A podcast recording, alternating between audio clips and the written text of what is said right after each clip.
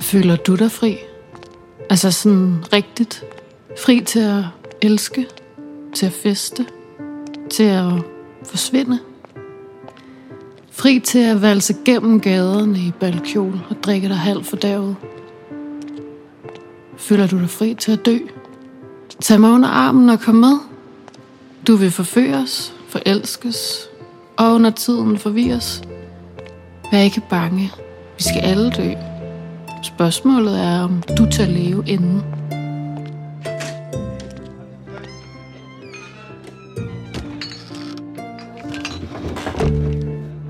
Velkommen til. Jeg hedder Marie Odbjerg, og jeg er din vært på denne podcast, som er for alle jer, der ønsker at leve lidt mere, inden I skal herfra. Nu går vi i gang. Tag godt imod Kasper Frude Lok, som er dagens gæst i dette første afsnit af De Sidste Boemer. Mit navn er Kasper Fruda Lok, og jeg er kendt med i historie og retorik fra Københavns Universitet, og det har jeg været i omkring syv år, og har blandt andet specialiseret mig i intellektuel historie, som er et mere moderne begreb for det, der hedder idehistorie. Kasper er i 30'erne og har krøllet lysebrunt hår, der på en måde minder mig om fortidens romantikere. Han har energiske øjne og besidder en veltalenhed, som ofte hører ældre mennesker til. Vi sidder i hans lejlighed på Amager, som er indrettet kreativt og farverigt. Der er mange bøger, og så lægger jeg hurtigt mærke til, at der er skrevet hilsner fra diverse besøgende på det bord, vi sidder ved. I dag skal Kasper gøre mig klogere på Bohemens historie. I forhold til øhm, Bohem, så kan man sige, at Bohem er et øh, fænomen, et øh, intellektuelt fænomen, og øh, det opstår i 1800-tallet, og derfor så kommer meget af det, jeg mener, Bohem handler om, til at handle om det, der hedder det moderne, eller det moderne som et fænomen. Og øh, den tradition, jeg kommer fra som akademiker, vil normalt gå begrebshistorisk til det og sige, hvad, hvor kommer sådan et ord fra? Og bohem kommer af det fransk, som man måske kan høre på min meget dårlige franske udtale, er et ord for bøhmen, eller folk, der kommer fra bøhmen. Altså var ordet bohème til at starte med blot et ord for folk, der emigrerede fra Bøhmen, det man kender som Tjekkiet i dag, til Frankrig. Mange af de her mennesker, de flyttede vestpå ind i Frankrig, og øh, de her franskmænd kunne ikke rigtig kende forskel på, hvad var en person fra Bøhmen, og hvad var en øh, Roma, som det hedder i dag, det man førhen kaldte cigøjnere. Så ligesom der er mange, der i dag tænker, at folk de kommer fra, øh, fra Rumænien, hvis de er romager, så var der den her misforståelse om, at de her mennesker, der så anderledes ud, øh, i huden, øh, i hårfarven, i øjenfarven og i klæderne, at de nok øh, var cigøjnere, bohem. Og øh, man kan sige, lidt ligesom vi har et begreb som øh, på dansk, der hedder at leve på polsk, at man ikke er gift med hinanden. Det hænger selvfølgelig sammen med, at der har været nogle polakker på et tidspunkt, som har kommet herop og har øh, blandt andet under rohøst, og de har ikke været gift øh, på den samme måde i hvert fald, som danskerne var det. Det man kunne se, at så man sagt, at man kunne leve på polsk, men det bliver altså hurtigt et begreb, som bliver en form for øh, modbegreb til det, som danskerne gør, eller det, som franskmændene gør. Altså noget, der står imod noget andet. Bohème er altså et form for modkulturelt begreb. Men hvilke typer er der tale om, når vi taler om det at være bohem? Hvis man tager udgangspunkt i øh, ham, der hedder Puccini, som har lavet en opera, så har han lavet en opera, der hedder La Bohème, og den er fra 1896. Og hans tre hovedkarakterer i La Bohème, de er henholdsvis en forfatter, så er det en maler, og den digter, og det er en musiker. Og det er måske en måde at indkapsle, hvad er det her for nogle typer. Og hvis vi har at gøre med en forfatter, en maler, en digter og en musiker, så har vi at gøre med en samfundsgruppe, som man overvejende vil kalde intellektuel. Fortællingen La Bohème udspiller sig i 1830'ernes Paris, en juleaften, på et iskoldt loftskammer i Latinerkvarteret. Her møder vi en gruppe af fattige og unge kunstnere, som er fulde af livsmod og kodhed. De ved det skønne og det sande i livet. Og ikke mindst kærligheden, som den tuberkuløse Mimi og digteren Rodolfo finder i hinanden. Så kan man sige, en forfatter, en maler, en digter eller en musiker behøver ikke at være bohem. De behøver ikke at stå i opposition til samfundet. Og det er der mange bohem-personer, der også har ment, at mange forfattere, malere, digtere og musikere bestemt ikke gjorde. Øh, de var nogle øh, småborgerlige typer, vil man kalde dem. Man synes, de var nogle bønder, har man også kaldt dem i Norge, blandt andet. Så altså, Bjørn Stjerne Bjørnsson, han var en bunderøv, øh, fordi han altså støttede op omkring den her nationale idé. Så hvis man er rigtig bohem, så er man ikke både bare en forfatter, en maler, digter, eller en musiker, eller en akademiker, så er man også en, der står imod et eller andet. Så man kan ikke rigtig være bohem uden at være i opposition til noget. Og øh, hvis man nu skulle prøve at sige noget, der sådan definerer bohem, så er det, at den er antinormativ, vil man sige, med lidt fint ord. Man kunne også bare kalde den anti-mainstream. Den er mod det småborgerlige. Ah ja, småborgeren. En befolkningsgruppe kaldet Petit Bourgeois af Karl Marx. En politisk og økonomisk klemt klasse, der ønskede at stige i graderne. Altså at blive en del af det bedre borgerskab. Men som på mange måder fandt sig selv låst fast af sit for mange ophav som arbejdere. Ejendomsretten lagde grundlaget for småborgeren, som i dag kan beskrives i mere moderne vendinger med f.eks. udtrykket Villa, Volvo og Vose.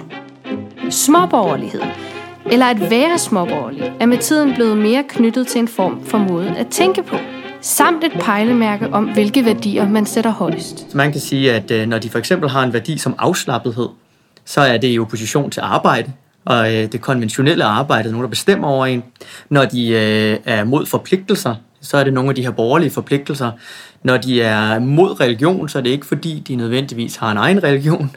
Det er, øh, så så øh, når de ikke har nogen regler, og når de går op i fri kærlighed, så øh, kunne man også sige, som også lægger til den her kunstnergruppe, jamen, så har det også igen noget at gøre med, at religionen og normerne i samfundet har nogle regler for det her. Man kan også sige, at sådan noget som simpel livsstil er en ting, som øh, knytter sig til bohem. Og øh, det man også lidt, og nu har jeg øh, valgt, nu kan man jo ikke se det, men sætte nogle godseøjne, anførselstegn rundt omkring det såkaldte frivillige fattigdom. Den er jo altid interessant, fordi der er nok ikke nogen mennesker, der frivilligt har valgt at være fattige. Og øh, vi skal lidt ind i, hvorfor er det så, at de her mennesker frivilligt, og her har vi igen vores anførselstegn, vælger at være fattige. Og der er vi nødt til igen at vende tilbage til det moderne, fordi øh, spørg mig som, som historiker, så har de her mennesker ikke selv valgt at være fattige, men det er da rigtigt nok, at de har valgt at lade være med at være en del af noget andet, og som konsekvens af det blev de fattige. Og det er jo noget andet. Hvis vi går lige før det moderne, og i det her tilfælde kan man definere det moderne øh, på mange forskellige måder, så der er helt sikkert nogle historikere derude, der vil flå mig i små stykker. Men lad os nu sige, at man kan enten definere det moderne fra starten af 1500-tallet, eller også så kan man sige, at det moderne er fra efter den franske revolution, øh, så fra 1790'erne op efter. Så hvis vi nu tager den sidste definition og siger fra slutningen af 1700-tallet, så sker der nogle ting i samfundet, som er øh, på mange måder, det er selvfølgelig ikke noget, der sker fra den ene dag til den anden, men det er øh, væsentligt anderledes end det overvejende mere middelalder struktureret samfund, man havde før. Hvad mener jeg med det? Der mener jeg, at førhen, hvis man var klog, så var man ofte rig, og hvis man var rig, så var man ofte klog. Øh, når vi ser øh, fra sådan en som Holberg, som lever øh, omkring og skiftet fra øh, 1700-tallet, fra slutningen af 1600-tallet, starten af 1700-tallet, når han beskriver de her dumme bønder, og det bruger Holberg rigtig meget tid på. Han gør grin med mange samfundsgrupper. Men nogle gange har vi tendens til i dag måske at læse Holberg som, at han, de måske nogle gange er lidt snusfornuftige, eller nogle gange faktisk forstår et eller andet. Men hvis vi skal læse øh, Rasmus Montanus for eksempel rigtigt, så er der ikke nogen tvivl om, at de ikke forstår særlig meget af de her mennesker, han kommer ud til. Og derfor er den store joke i, øh, i Rasmus Montanus også, at det eneste, han ikke kan få dem til at tro på, det er, at jorden er rund. Og særligt fordi det har alle vidst i lang tid på det tidspunkt, men bønder er simpelthen så dumme, så dumme. Fordi de har ikke nogen uddannelse overhovedet. Så altså, er man rig, så er man klog, og er man klog, så er man rig. Og uden at tage for meget et ord som overmenneske ind, så er det klart, at det har, også må føles i sådan et samfund meget ekstremt, når man har mødt Hermans søn, der har kunne gå på et universitet øh, inde i København og kommet tilbage. Øh, ikke lige det er ikke tilfældet med Rasmus Montanus, eller Rasmus Bav, han er, han er bundesøn, men, øh, men det må have føles meget som, at der er enormt stor forskel på mennesker. Når vi kommer op i det moderne, så sker der nogle forskellige øh, strukturer, øh, nogle forskellige ting i samfundet. Den ene af dem, det er øh, industrialiseringen. Og industrialisering er vi nødt til at tale om, for industrialisering betyder, at der er en enorm stor befolkningsvækst. Den er egentlig allerede startet i 1700-tallet øh, med bedre landbrug, men industrialiseringen i kombination med det boomer det her. Og de her mennesker er der ikke brug for i samme grad ude på landet, og derfor har vi den, øh, som vi lærer i folkeskolen også, øh, effekt, der hedder en urbanisering. Det vil sige, at folk flytter fra landet og ind mod byerne. Og det vil også sige, at vi har en helt ekstrem øh, befolkningsvækst i nogle af de her byer, som også bliver kendetegnet for Bohème. Fordi noget af det, der kendetegner Bohème, er også en anonymitet. En, en hyperindividualitet også. Og hvor kan man have den? Ja, det kan man ikke have i et landsbysamfund. I et landsbysamfund, der kender alle alle. Og hvis du skal kunne gemme dig og have det, så skal du have storbyens anonymitet. Mm. Og hvis du kigger på en by som Paris, så er det ikke fordi, at Paris ikke er stor omkring 1800, lad os sige 1801. Øhm, der er den omkring en halv million indbyggere. Så det vil vi også sige, det er selvfølgelig en relativt stor by. Men Paris, på det tidspunkt, hvor Puccini skriver sin, øh, eller laver sin øh, opera, som vi talte om før, det er 1896. der har den altså en befolkning på 2,5 millioner indbyggere. Og det vil altså sige, at den er vokset med en faktor 5. Og det skal vi altså huske, er inden for en, en periode, som næsten kan være oplevet af et eneste menneske, det her. Øhm, London kigger på London, er større end øh, Paris. Øh, omkring århundredeskiftet mellem 17 og 1800, den har lige knap det dobbelt, omkring en million indbyggere. Men London er også på det her tidspunkt verdens største by. Der er ingen byer i verden, der er så store som, øh, som London. Og det er den særlig en bestemt grund, nemlig industrialiseringen, som kommer først i, i Storbritannien. Men også i Storbritannien går det rigtig hårdt ud over de her byer, eller den her urbanisering. Så når vi kommer frem til Puccinis opera, i 1896, så har vi altså en befolkning på 6 millioner. Så den er altså også vokset enormt meget. Og hvis man kigger på tallene op igennem øh, 1900-tallet, så vokser de bare endnu mere. Og en by som Berlin, den går fra at være en lille pisby på ja, lige knap øh, 200.000 indbyggere, til at have en befolkning på lige knap 2 millioner indbyggere. Så der har vi altså en endnu større vækst. Så vi kan se, at de her byer de vokser helt ekstremt. Hvis vi tager vores egen lille København, øh, så har vi omkring 100.000 indbyggere, og kommer op på 400.000 indbyggere. Og det er med det er med noget opland, og Det kommer lidt an på, hvad man tæller det. København er ikke det fedeste sted at være bohem, kan vi dermed regne ud. Hvis man gerne vil være en god bohem, så skal man ned til Paris, eller man skal til Berlin. Der kan man undre sig over, hvorfor skulle man ikke til London i 1800-tallet? Ja, alle danske intellektuelle taler tysk og det næste sprog vil være fransk. Øh, så det ligger meget mere oplagt. Øh, man kan sige, at hele den anglofone verden kommer mere på tale senere. Det er ikke fordi, der ikke er nogen, der tager det over, men det er mere forhandlet, end det er så meget for kunst og, og så videre, øh, digteri og så videre. Så vi har altså at gøre med noget, som, som her har vi en, et sted, hvor de kan være, de her, de her øh, bohem-mennesker. Så man har altså brug for en storby for at være bohem. Du synes måske stadig, at København virker lille i forhold til andre store byer. Men det er intet i forhold til 1700-tallets København. Forestil dig København som en landsby, med kreaturer i gaderne, hestemøg på brostenene, meget få beværkninger og ikke en eneste chance for at kunne gå hjem fra et engangsnald med tømmermænd, uden at møde nogen, du kender. Men det blev ikke ved med at være sådan. Nu er København en storby, beboet af mange forskellige mennesker, med et levende natte- og studieliv. Ikke mindst uddannelse har haft en vigtig rolle. Det kræver ikke kun urbanisering og industrialisering. Det kræver også en lille smule bredere uddannelse, end vi havde før. Hvis nu, hvis man for eksempel kigger på det, jeg sagde før med, at hvis man var rig, så var man også klog, og hvis man var klog, så var man rig. Det var en meget lille gruppe i samfundet. Så skal vi altså på en eller anden måde også bredt uddannelsen ud. Og hvis vi har bredt uddannelsen ud, så er der nogle af de mennesker, der har en uddannelse, eller i hvert fald er tæt på nogen, der har en uddannelse, som ikke får den her professorstol, som ikke bliver den største kunstmaler.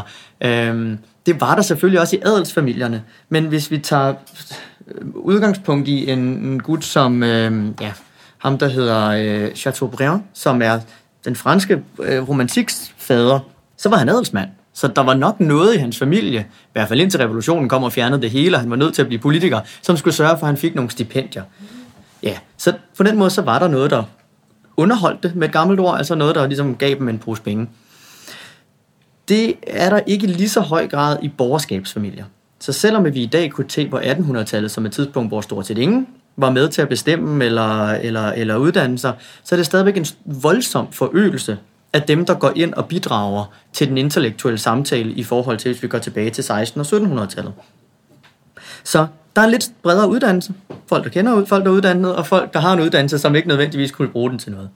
Og derfor kan vi også se i 1800-tallet, der begynder at opstå masser af litteratur, som berører det her med, at øh, du skal læse læge, og du skal læse jurist og sådan noget. Du, nej, du skal ikke interessere dig for kunstmalerier eller noget andet, fordi det bliver du bare en bohem af så kan man sige, at det kræver også en øh, politisk bevidsthed at være bohem. For det er en modkultur, som vi taler om, og modsat i 1600-tallet, hvis vi går så langt tilbage, så det der med at have en politisk bevidsthed om, hvor er ens eget ståsted i verden, det har ikke været lige så udbredt øh, i samfundet. En politisk bevidsthed er man nødt til at have. Der er nogle ideologier, kan man sige, der opstår øh, i slutningen af 1700-tallet, starten af 1800-tallet, som bidrager enormt meget ind til begrebet bohem. Den første af dem, vi skal nævne, det er liberalismen, naturligvis. Og det kunne godt synes underligt i dag, fordi jeg tænker, at hvis man tager udgangspunkt i de fleste bohème-folk i dag, så vil de måske definere sig i modsætning til de liberale, fordi det liberale, eller liberalismen på en eller anden måde ligger på en højre fløj.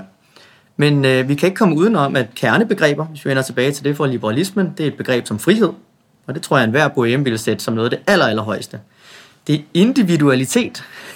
og det er også noget, de vil sætte højst. Det er retten til at være sin egen lykkes smed. Og så kan det godt være, at det lyder rigtig, øh, øh, ja, Danmarks Liberale parti -agtigt. men det er jo præcis det, de her mennesker gør. At de så ikke smeder særlig meget og selv vælger det, det er noget andet. Øhm, man kan også sige plads til forskellighed, men det er også et slogan, som partiet Venstre engang har haft stående på deres valgplakater. Ja. Så på mange måder er der en del af de her øh, begreber, som knytter sig meget til det. Og ja. det er selvfølgelig ord, som opstår i 1700-tallet, eller begreber, der måder at tænke på, der begynder at opstå i, i 1700-tallet og tager fart i 1800-tallet. Og som knytter sig til det her, individualiteten. Var datidens liberalisme også skarp i sine holdninger i forhold til for eksempel folk, der har eller havde svært ved at klare sig selv økonomisk? Lidt ligesom nogen af nutidens liberale? Altså det anden, den anden ideologi, vi kunne tale om, det er marxismen. Og marxismen spiller også en stor rolle. Øhm, og socialisme, hvis vi skulle nævne det med. Og kommunisme, det er lidt afhængigt af, hvordan vindene blæser, hvilke ord, der er mest på mode. Øh, og den har en anden form for social bevidsthed. Men man må heller ikke misforstå øh, liberalismen som en ideologi, der ikke har tænkt på de små i samfundet, særligt ikke i 1800-tallet. Den består af folk, som i, føler sig i naturlig opposition til dem, der er højere oppe. Det er derfor, at vi har et parti, der hedder Venstre i dag. Det er, fordi de er i opposition til en højre fløj. Så der har været en forståelse for, at man skulle have en medindflydelse hele vejen igennem samfundet. Så har ordet liberal også to betydninger. Den har selvfølgelig en økonomisk liberal betydning, men den har også en kulturliberal betydning. Og det afhænger lidt af, hvilket land du er i, og hvilket tid du er i, hvordan den ideologi bliver defineret og, og set på og skrevet om. Hvis du tager for eksempel et øh, land som Storbritannien, så har det været en liberal, som har ført videre til amerikanerne, som også taler om liberal. Altså, de taler stort set om det som et synonym med socialisme nogle gange. Og det er fordi, det bliver set som en måde at være øh, overbærende, øh, forstående, og øh, i høj grad faktisk også øh, åben over for sådan noget som indvandring. Mm. Ja, så man har et liberalt sind, kunne vi måske sige på dansk. Ikke? Øh, så på den måde øh, kan man sige, det er ikke på den måde i opposition til det, men de fleste bohemer i dag vil selvfølgelig se sig i opposition til den form for højrefløj, som vil være lukket i sit sind over for det anderledes, eller det fremmede, eller øh, det ukonventionelle. Men måske det er mere en form for konservativt spøgelse, der lurer der, end det i virkeligheden er et liberalt. Og hvis vi skal trække nogle tråde til i dag, så kan man sige, at et parti som Liberal Alliance er for eksempel på ingen måde bygget op på værdier, som mange på venstrefløjen måske på afstand ser dem som. Altså de har meget lidt til fælles måske, selv, selv med et parti som Venstre, i hvert fald dele af Venstre. Og øhm, hvis man ser, hvis man går dem i, i krone, så kan man se, at noget af det, de går allermest op i, det er at små selvstændige erhvervsdrivende, som har lyst til at lave en podcast, de øh, ikke skal betale særlig meget skat, og det vi skal hæve personfordraget. Og det er de faktisk til fælles med enhedslisten. Så det der med, at man er interesseret i, at vi skal ikke gå efter de små fisk, det er faktisk en, en kardinaltanke på begge sider, ikke? at du skal have lov til at leve det her øh, liv selv, ikke? og plads til forskellighed og frihed. Øh, ikke for at retfærdiggøre nogle af fløjene, men der er en stor øh, ideologisk lighed. Det, som marxismen bidrager ind til med, øh, til Bohème, det er den her kritik af de materielle forhold. Og igen, så må vi sige, at der er ikke nogen bohème uden det moderne. Der skal være noget at kritisere. Du kan ikke på den måde stå som bonde og kritisere dit landbrugssamfund. Øh, I hvert fald ikke ud fra en politisk bevidsthed. Du kan brænde her, man skov af, og så kan du vente på, at der kommer en ny herremand. Der sker ikke øh, den store revolution i det. Og det ser vi også igennem middelalderen, og også op igennem renaissancen, at den, den politiske transformation af samfundet går langsommere. Men nu er der en kritik af de her materielle øh, forhold. Det er også marxismen, der bringer sådan noget så begreb som falsk bevidsthed ind. At man simpelthen kan gå rundt og tro, at man lever et godt liv, men det gør man jo slet ikke, fordi man forbruger sig bare til det gode liv. Ikke? Ja, det er ren matrix. Og så marxismen har også fået en enorm stor social kritik af det borgerlige. Det er også for marxismen, vi ofte skal finde begrebet småborgerlig, for eksempel. Så det er, det er marxister, der, der bringer det her ind. Men det interessante for mig er, at Bohemen står meget imellem det liberale, de liberale ord, vi har, og marxismen, og den låner begreber for begge sider.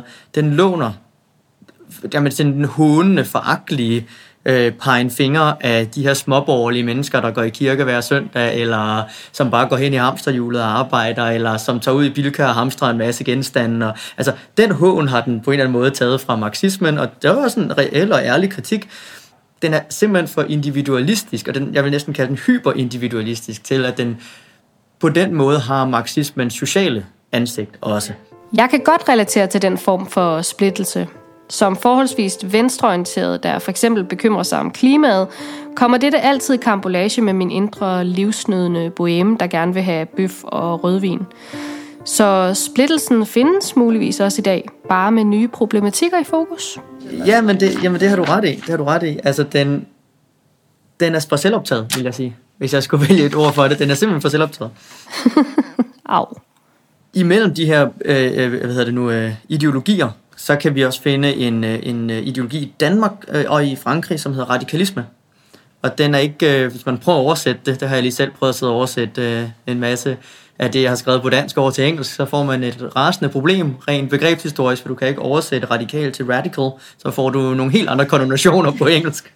Men, øhm, men radikalismen er en form for socialliberal ideologi, som opstår i Frankrig, og som øh, dem, vi lidt forsigtigt kan kalde de kulturliberale, øh, eller kulturradikale, øh, omkring Geo Brandes, overtager og bliver inspireret af, og, og fører ind blandt andet til et parti, der så hedder de radikale, eller det radikale venstre de er meget optaget af det begreb, der hedder frisind.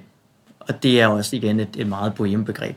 Så kunne man tale lidt om, hvor går de her strømninger hen fra 1800-tallet. Fordi nu har vi en gruppe af relativt forarmede, relativt uddannede, relativt politisk bevidste, urbaniserede mennesker, der har en kritik af det, industrialiseringen har skabt. De bor inde i byerne, og de vælger, og det er lidt i gåsøjne, for de vil nok alle sammen gerne være adelsfolk, de vælger at leve på, øh, på den her måde. Og igen lige for at understrege, hvordan de er meget forskellige fra tidligere romantikere. Så hvis man tager sådan en som øh, Lord Byron, hvis ja, man har hørt om ham, øh, en engelsk tidlig romantiker, så er han sammen med sådan en, der hedder Keats, og ham, der hedder Shelley, hvis kone senere bliver Mary Shelley, som laver Frankenstein, de er alle sammen nogle mennesker, som har penge. Altså, der er en grund til, at han er Lord Byron. Han er uforskammet rig, og den måde, de kan tage på rejser rundt på i Italien og bo i kæmpe store palæer, øh, vidner bare om, at bohemen er trods alt noget andet. Det er meget vigtigt at knytte bohemen til romantikeren, men den engelske romantiker så tidligt er ofte en Hermans søn, som har penge allerede, ligesom øh, Chateaubriand, som vi talte om øh, før, fra Frankrig. Så de her mennesker, der er såkaldt frivilligt fattige eller frivilligt selvforarmede, de er også nødt til at opfinde en ideologi, eller dyrke en ideologi, som passer til de midler, de nogle gange har. Hvilke bevægelser har vi så senere, som, som kunne gå ind og minde om dem? Jamen, vi har nogle stykker. Øhm, når vi kommer efter 2. verdenskrig, så har vi beat-generationen. Og beat-generationen, det er Jack Kerouac, blandt andet, med On the Road, som også er en modkultur. Altså, den bliver direkte kaldt modkulturen, så den har rigtig meget til fælles med, med bohemerne. Lidt senere begynder vi at få det, vi vil kalde hippiebevægelsen.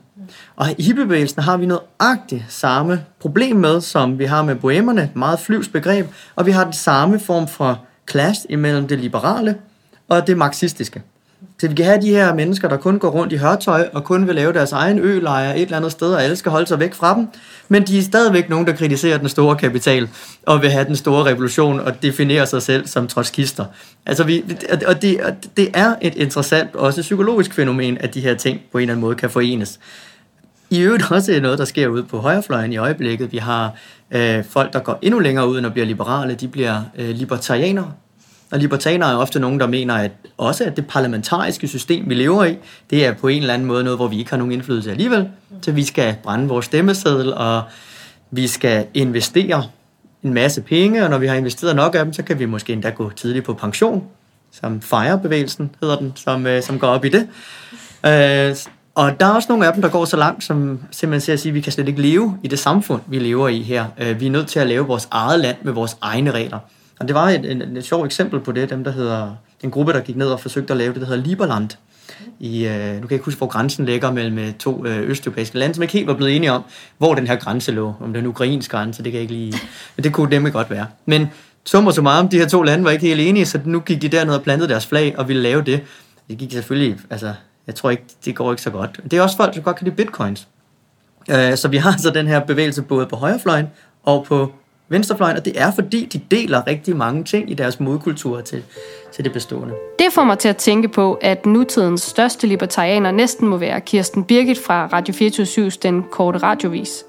Hun sætter i hvert fald frihed over alt andet, og er kontra det etableret i en sådan grad, at hun for eksempel udover at revse alle magthavere ligegyldige farver og fløj, skriver en nyt systemtakt på alle stemmesedler. Så har vi, hvis man skulle nævne andre, så har vi sådan noget som evighedsstudenten, som et begreb er også enormt bohem. Der er også elementer af, der holder ud på Nørrebro, som stadig forsøger at leve en eller anden form for tilværelse, hvor de kan få lov til at dyrke det her, selvom man har strukturelt skåret rigtig meget på mulighederne for at lege evighedsstudent. Så er der selvfølgelig punkbevægelsen op i, øh, op i øh, 80'erne, øh, grunge-bevægelsen, som jo også klart er en modkultur, og som igen også siger fuck til systemet på en, på en ret markant måde. I dag er vi begyndt at få introduceret et begreb på grund af working poor og generelt den måde, kapitalismen bevæger sig på i dag, som man kunne kalde et prekariat. Et precariat, det er, at man har det prekært, man er udsat. Og i dag kan man sige, at, at ringen sluttes lidt ved, at, at prekariatet ofte, fordi vi har så højt et uddannelsesniveau i Vesten, og ikke mindst i Danmark, faktisk består af nogle mennesker, der har ufattelig høje uddannelser.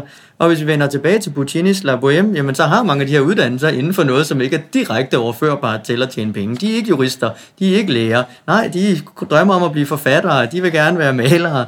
De, øh, de synes, at musik er rigtig spændende. Det kan være, at de har læst historie på universitetet eller noget andet. Ikke?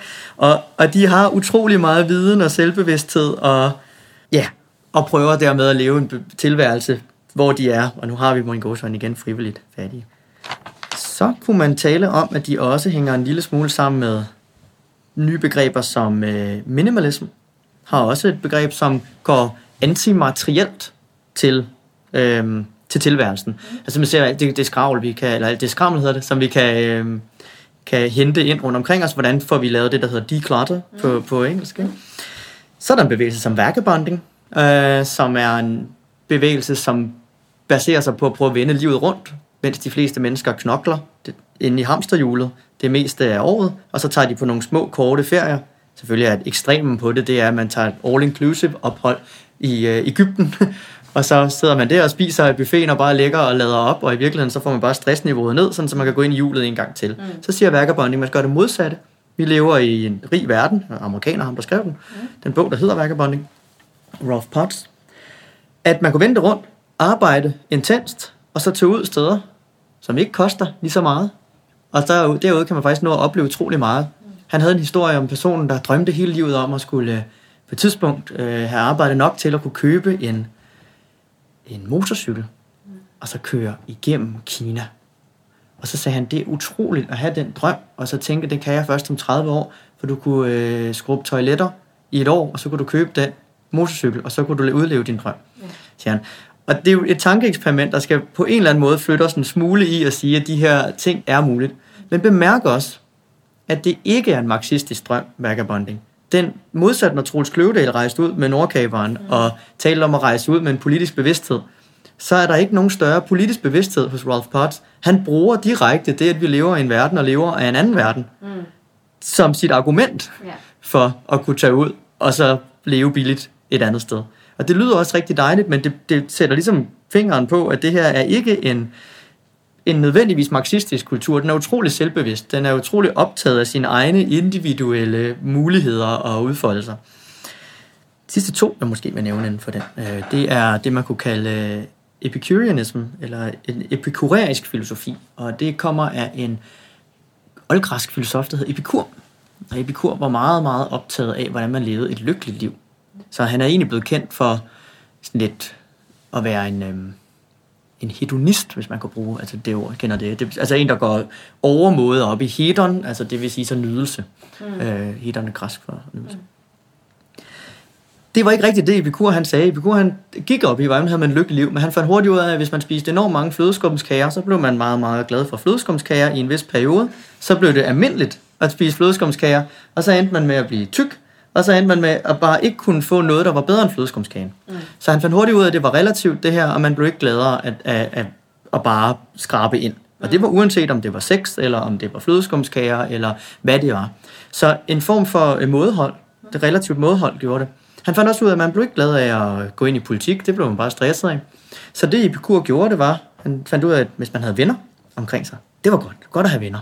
Ja. Øhm, ikke faste parforhold, det går han ikke særlig øh, meget op i. Det skal vi nok se lidt øh, øh, kontekstuelt. Hvis man var græker på det tidspunkt og gik ind i et fast parforhold, så, så ligesom bundet til at leve på en meget særlig måde, som minder måske mere om øh, Saudi-Arabien i dag. Men man kan sige, på det tidspunkt, som Epikur taler om, så har du som mand mulighed for at gøre, hvad du vil i høj grad. Så der er ikke rigtig noget, du vinder øh, ved øh, parforholdet på samme måde, som Epikur siger det. Til gengæld er det meget vigtigt at have dine venner tæt på dig.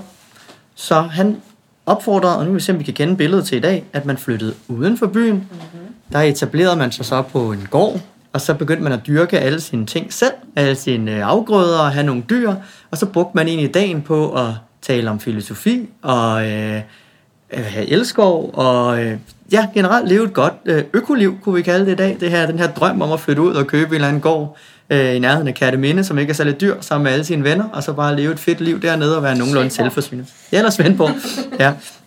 Ja, så det her behov for at stå ræset, kan vi kende i den øh, epikuræiske filosofi og ind i sådan økolivstanke. Og igen kan vi altid stille spørgsmål til, hvor politisk bevidst er den egentlig, eller har den egentlig bare det her behov for selv at trække sig øh, fra ræset, øh, i stedet for at ændre samfundet radikalt. Ikke? Bohème, som jeg har nævnt hele vejen, er en integreret del af det moderne. Den er en reaktion mod det moderne. Det Bohème er så selvoptaget på mange måder, at det er kun sjovt, hvis man er unik. Det er ikke så interessant, hvis samfundet bliver lavet om. Hvis de mennesker, der havde den ølejr, eller de mennesker, der trak sig ud, rent faktisk fik det samfund, altså med andre ord et samfund, alle andre gør det også, så op ophæves bohemen også. Mm. Og, øh, fordi det, øh, vi, vi ser ikke bohemen i det landbrugssamfund, vi havde i middelalderen. Og vi ser heller ikke bohemen i Sovjet. Det vil jeg også gerne øh, understrege. Hvis vi tager Østblokken, så har vi sådan en som Czeslaw Miloš, som taler om the captive mind. Hvis ikke du har en mulighed for både, altså for at være fattig, men også at være fri med din fattigdom, mm. så eksisterer bohemen ikke. Så der var ikke nogen bohemer i middelalderen, og der var ikke nogen bohemer i Sovjet. Øhm, så bohemen både lever og dør af det moderne samfund. Og hvis øh, det her måde, vi har det kapitalistiske moderne samfund forsvandt, så er det altså min øh, tese, at så vil bohemen også forsvinde. Bohemen er dermed mere et produkt, den er en konstant, øh, der er affødt af det moderne. Og jeg er overbevist om, at den vil forsvinde, hvis meget den lidelse, eller den redsel, eller alt det, vi ikke kan lide i det her samfund, øh, også forsvinder. Øh, det, det svært at forestille sig andet, også i forhold til i hvert fald de grupper, som gør det i vores samfund. De er, de er så modkulturelle, de er så optaget af deres eget udtryk, at det er svært at være hvis det lige pludselig blev mainstream. Eksisterer der overhovedet bohemer i dag?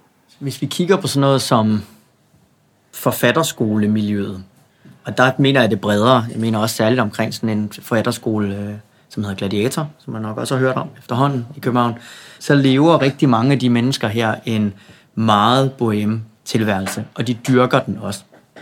Her vil jeg da gerne gøre en kort reklame for en af mine gode venner, som hedder Luca Ingberg Talemona, som endelig har udgivet sin anden bog, der hedder Maskinerne slukkes, og kroppen bliver fri, og hans første hed øh, Alcatraz. Og de er begge to udgivet på Gladiator, hvor han også underviser og, og laver små forfatterskoler. Og uden at det skal udvikle sig til en konstant reklame, så er det måske også fordi at sige, at selvom Luca engang har været en af mine elever på Ørsted Gymnasium, så er Luca ikke meget yngre end jeg er. Jeg er 33, Luca er i slutningen af 20'erne. Og jeg tror ikke endnu, at Luca har nået at opnå en stabil løn hver måned, der er højere end en pædagog. Øh, og det siger jo lidt, fordi vi tænker, wow, forfatter, og, det, og nå, han bliver brugt på litteraturvidenskab på SDU, og hold, hold da op, ikke? Men det er enormt boheme tilværelse. Jeg tror, Luca han har boet de første 10 steder på værelser i København, øh, og flytter alle sine bøger med rundt, og selvfølgelig går Luca også primært i sort tøj. og for at gøre det endnu bedre, er Luca selvfølgelig også halvt italiensk, og er i gang med at oversætte øh, en af sine bøger til italiensk også, og det blev rigtig godt. Min pointe er bare, det er der enormt meget en bohemtilværelse, hvis noget er. Øh, og den, er, øh, den har en enorm romantisk, for romantikerne, insisteren på at leve det liv, og at følge den drøm, uanset hvad det materielt koster. Det er Luca og mange af de her forfattere et vanvittigt godt eksempel på, at det vil de meget, meget hellere. Men den der såkaldte selvforskyldte, eller ønskedrømme om, at det er en fattigdom, det, den er der ikke. Den er, den er et produkt, den er en konsekvens af, mm. af at forfølge den her drøm. Kasper mener altså, at der stadig findes en form for bohemer i dag. Men romantiseringen af fattigdommen findes måske ikke længere hos denne gruppe. Så kan vi måske tale om nogle lidt mere kendiser og sige, at inden for forfattermiljøet findes der også sådan nogle mm, større nu forfattere, som for eksempel Knud Romer, som jeg mener er et godt eksempel på det.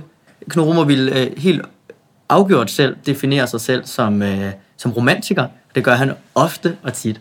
Men hvis vi ser på, hvordan han lever og er, så øh, elsker han at provokere. Han er meget selviscenesættende også i forhold til sin karakter. Og øh, han bor i Frederiksstaden, og han elsker at dyrke på den ene side enormt konservative ting, men det er helt tydeligt, at han dyrker dem som sådan en lille, en lille niche, som han godt kan lide at gøre. Så han kan godt lide at gå ned på den her smørbrødsted og blive lokal på den særlige måde, som minder ham om en idé, han har om hans tyske familie for tre generationer siden. Øh, men samtidig vil han også gerne drikke Coca-Cola, og han har også ting stående i sit hjem. Nu så jeg lige, kender du typen, og jeg var helt overbevist om, det var Knud Romer til med det første. Ikke? Han har ting i sit hjem, som han simpelthen har, bare fordi han synes, de er grimme. Det er også enorm provokation. Så hele tiden, men enorm små, nej ikke småborgerlig, enorm højborgerlig på det ene område. Øh, I sin bogreol, i øh, sin måde at tale om familie og eksistens, og så enormt imod og i opposition hele tiden. Den måde at sætte sig selv på, også nu hvor han, manden er ved at blive blind, øh, eller i den måde, han blev skilt på, har også en grad af ja, eksistentiel boheme. Den har den her næsten sådan øh, fatalistiske, nihilistiske måde at se på tilværelsen, der jo naturligvis på et eller andet tidspunkt vil få en. Det skal nok få en ned med nakken på et tidspunkt. Så den sidste romantiker på en eller anden måde vil han gerne se sig som, og det er da i hvert fald i min verden meget boheme. Et, øh, et fænomen, som øh, boheme også er enormt påvirket af, det er romantikken. Og romantikken er en periode, som afhængig af hvilket land man er i, finder sted først i Øh, Storbritannien, eller England, derefter i Frankrig, og så lidt som en modreaktion, eller som en reaktion på Napoleonskrigene i Tyskland derefter. Og så kommer den relativt sent til Danmark. Så hvis man spørger en dansk lærer i dag i Danmark, så kommer den sådan, så begynder man at nævne 1840'erne eller sådan noget. Der er den stendød i Storbritannien og har været det i en generation. Så hvis vi, hvis vi i stedet for at sige, at romantikken er noget, der faktisk opstår i slutningen af, af 1700-tallet, og i virkeligheden ser måske den franske revolution som et udtryk for en romantisk bølge og en afslutning på oplysningstiden, mere end at den franske revolution er oplysningstiden, så kan vi sige, at den bærer sig selv med et tidspunkt, hvor industrialiseringen er næsten kommet derhen af. Den er begyndt i Storbritannien og, og, og sætte sit aftryk. Og mange af de romantikere stiller sig i kraftig opposition til det. Så Lord Byron for eksempel, han ser det forfald, det er, at øh, lige pludselig så kommer de her øh, maskiner, som så overtager for øh, nogle af de her øh, stakkels arbejdere. Og han bruger sin plads i House of Lords, fordi sådan en har han selvfølgelig, sådan en plads, udskåren træstol, han kan tale fra, ikke? til at øh, og, og, øh, ud, en tale. Han laver også et digt, der hedder Song for the Loddites, fordi der er en, der hedder Lot, som er ligesom den her arbejderleder, som smadrer de her maskiner. Men det er enormt romantisk. As the Liberty lads over the sea bought their freedom and cheaply with blood, so we boys, we will die fighting or live free, and down with all kings but King Lud. Grunden til, at man hiver romantikeren, eller kan hive romantikerne op, øh, er for det første din intellektuelle bølge, ligesom øh, Bohème, men også, at de har den der insisteren på at, at leve det her, eller se verden som et ideal, og leve, prøve at leve det her ideal. Og det hænger sammen med platonisme også, altså det platoniske ideal, øh, og det hænger sammen med det gode og det sande og det skønne. Yet this is the dew which the tree shall renew of liberty planted by Lot. Så hele den her affortrylling af verden, som man ser ske omkring så det sker først i England på grund af industrialiseringen. Og romantikerne i England er nogle af de første til at sætte spørgsmålstegn ved, at det her er det gode liv, og det her er den rigtige måde, det skal være på. Når fantasien begynder at komme ind, som jo også bliver en, en eskapisme fra virkeligheden, bare i bogform, så får vi sådan en som Tolkien. Og selvom Tolkien han ikke vil bruge sit værk allegorisk overhovedet øh, selv, så er han øh, helt klart også inspireret af romantikere, og hans billede af The Shire, og hans måde at beskrive middelaldersamfundet som godt og edelt og skønt, og den måde, hvor vi ser industrialiseringen i det onde, øh, det, er, øh, det, er heller ikke, det kommer heller ikke af ingenting. Så, så den opposition og det, det svar imod det moderne, det kommer fra, fra romantikerne, og det er Bohème i høj grad. Det er en romantisk bølge også. Elverfolket er i Tolkiens historie en race, der sætter det kunstneriske, det æstetiske og det romantiske meget højt. De kunne muligvis konstitueres som fantasy-genrens bohemer altså nu i dag er Ringende Sager blevet enormt kendt for en film, men da, det blev, da den blev kendt efter 2. verdenskrig, blev den i høj grad kendt blandt en gruppe af boheme, eller i hvert fald øh, ofte meget venstreorienterede øh, intellektuelle i Danmark. Så folk rundt omkring det kollektiv, der hedder Maves Lyst, og der har vi marxismen, de valgte alle sammen at kalde sig selv Kløvedal. Og det er fordi Rivendell på dansk hedder Kløvedal, så hele tanken om, at elverne levede i en form for marxistisk utopia, den er overtaget. Det øh, vil jeg næsten skrive under på, at Tolkien selv, og særligt også hans søn Christopher senere, som, som nyligt er død, vil rotere i deres grav over. Det er bestemt ikke været deres tanke. De er meget konservative på mange måder. Men hvem ved egentlig, om Tolkien ikke gik og drømte om et liv, der mindede om elverfolkets? Et liv i harmoni med naturen? Det har mange kunstnere både før og efter ham i hvert fald gjort. I den forbindelse kommer man ikke udenom at nævne Jean-Jacques Rousseau. Øh, Rousseau skrev i, øh, i midten af 1700-tallet den bog, der hed Emil, eller om opdragelse. Og den handlede meget om, eller handlede kun om, hvordan skulle man opdrage en dreng, der hed Emil. Fra Emil var helt lille, til Emil blev 18-19 år. Og meget af den opdragelse handlede om, at du tog udgangspunkt i, ikke som Hobbes, den anden naturretsfilosof engang havde tænkt, nemlig at øh, mennesket var ondt. Det var hans måde at retfærdiggøre, at man skulle have enevælde. Og det tror jeg ikke, man skal være meget i en skolegård for at tænke sådan, der skal være en eller anden form for regler her. Der er nogen, der skal slå ned på dem. Det var ikke Rousseaus idé. Øh, Rousseau han mente, at ud fra at barnet selv oplevede og erfarede, jamen så ville det få nogle erkendelser, som var meget bedre, end hvis man bare slog det over fingrene. Og man skulle passe på med ikke at opdrage mennesker med nogle ting, som de ikke var klar til på deres udviklingstrin. Så hvis man gjorde det, så ville man spilde sin tid og ødelægge barnet. Og man skulle også tage barnet, Emil, uden for byen. Det var det værste sted, man kunne være. Ud for byen, ud på landet. Lad dem selv gro nogle ting. Lad dem se, hvis de træder i nogen øh, rosenbed, jamen så lad nogle andre træde i deres, og så se dem græde og forstå, at der er... Øh, så det var ikke alt sammen øh, øh, øh, kun øh, ren frihed, men der var noget med konsekvenser og hvordan er verden. En hver, der bare lidt pædagogisk opdraget, vil jo kunne genkende, at nogle af de her tanker fra Rousseau er, har haft enorm betydning for opdragelse, særligt i Skandinavien. Så der er næsten ikke nogen læreruddannelser, som ikke vil komme omkring for eksempel øh, Rousseau. Men det har også haft en stor betydning for en bevægelse som Bohème, at det her med, at, man, at der er en ægthed et sted, også inde i en selv, som man på en eller anden måde klemmer ved det samfund, vi lever i. Og også et ønske om, hvis nu en bohem-person gik så langt og blev så lidt bohem, så de rent faktisk blev børn, så hvad, hvor skal de børn så vokse op henne? Øh, og det skal de så nok ude på landet måske, eller også så skal de gøre det et eller andet sted i storbyen, hvor at, øh, som også er en lille oase. Ikke? Så hvis man har sådan et C.V. Jørgensen begreb, så er det jo storbyens små oaser. Ikke? Så, så der skal i hvert fald være en eller anden form for ægthed, der kan, der kan opstå der. Ja, hvordan bliver man egentlig sig selv i et samfund med så mange snævre normer, som især datidens samfund var præget af? Og hvad med nu? I den evindelige ekstreme informationsstrøm fra sociale medier, hvordan holder man fast i den kerne, der gerne skulle udvikle sig til et selv? Findes der en ægthed, som man aktivt må søge efter, for at holde fast i den kerne, der udgør selvet? Man kunne nævne en øh, maler som øh, Gauguin, som også, nu nævnte jeg, eller berørte jeg før det her med, øh, med tanken om, at der må findes nogle andre folk, som er mere frie, nogle oprindelige folk. Og Frankrig har kolonier i hele verden, og et af de øh, kolonierområder, de har haft, det er det, der hedder Fransk Polynesien, som øh, ligger i Sydhavet øh, mellem øh, Sydamerika og New Zealand. Og øh, en stor øer, der hedder Tahiti, og der tog Gauguin hen og malede sine meget berømte malerier. Og øh, biblioteket har nyligt haft en, en øh, udstilling omkring, var han derude som en form for misforstået koloniherre, øh, det var han nok på nogle områder. Han var meget glad for mange af Tahitis kvinder i hvert fald. Man kunne også nævne en Jørgen Let i det, og, og det kunstneriske er i hvert fald går igen i begge to, og man så også synes, der går noget MeToo ind i den over også, og nogen, der ikke kunne sige fra. Men man må også øh, tilgive Gauguin for, at det var i virkeligheden et enormt produkt af den fremmedgørelse, som rigtig mange af de kunstnere i Frankrig følte og ønskede om, at der var en ægthed et andet sted.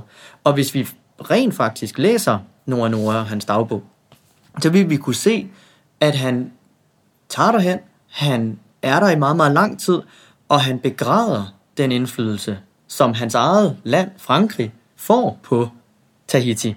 At den konge, der dør på et tidspunkt på Tahiti, og den transformation, der går ind i, at Tahiti bliver endnu mere overtaget som en form for koloni, for så falder ægtheden, så for, falder det gode og det sande og det skønne jo, ikke? Øh, så, så man kan nok lidt hurtigt komme til at fordømme sådan en som Gauguin. Og med de ord forlader vi Kasper Fruda Lok, og dermed er det første afsnit af de sidste boemer også slut. Du kan jo skrive en hilsen på bordet på et tidspunkt, når du, øh, når du smutter, så kan du se det der andre, der har gjort. Jamen det kan jeg nemlig, det kan jeg rigtig ja. godt lide. Det ser godt ud. Okay, ja. super. Måske findes der en ægthed derude, som man aktivt må søge efter for at finde. Måske er den at finde i et helt særligt fællesskab. Og det er netop fællesskaberne og deres betydning for at være boheme, som samtalen blandt andet kommer til at dreje sig om i næste afsnit, hvor jeg taler med Anders Hagerup Larsen. Er det queer-personer, der søger bohemernes rum, eller er det bohemerne, der søger queer-personernes rum? Lige meget, hvordan et samfund ser ud, så har vi jo alle sammen sådan en, en medfødt trang til at være individer. Samtidig er vi jo flokdyr. Vi vil gerne være en del af en gruppe. Og de her to kræfter trækker i os, og det gør, at vi finder selvfølgelig sammen med nogle folk, der er lidt ligesom os. Men så er der nogen, der kommer udefra og siger, når I er dem der, og I boemer. Du har lyttet til de sidste boemer. Jeg hedder Marie Odbjerg. Lyddesign og musik af Peter K. Nørgaard. Introspeak af Katrine Dyre Rubini.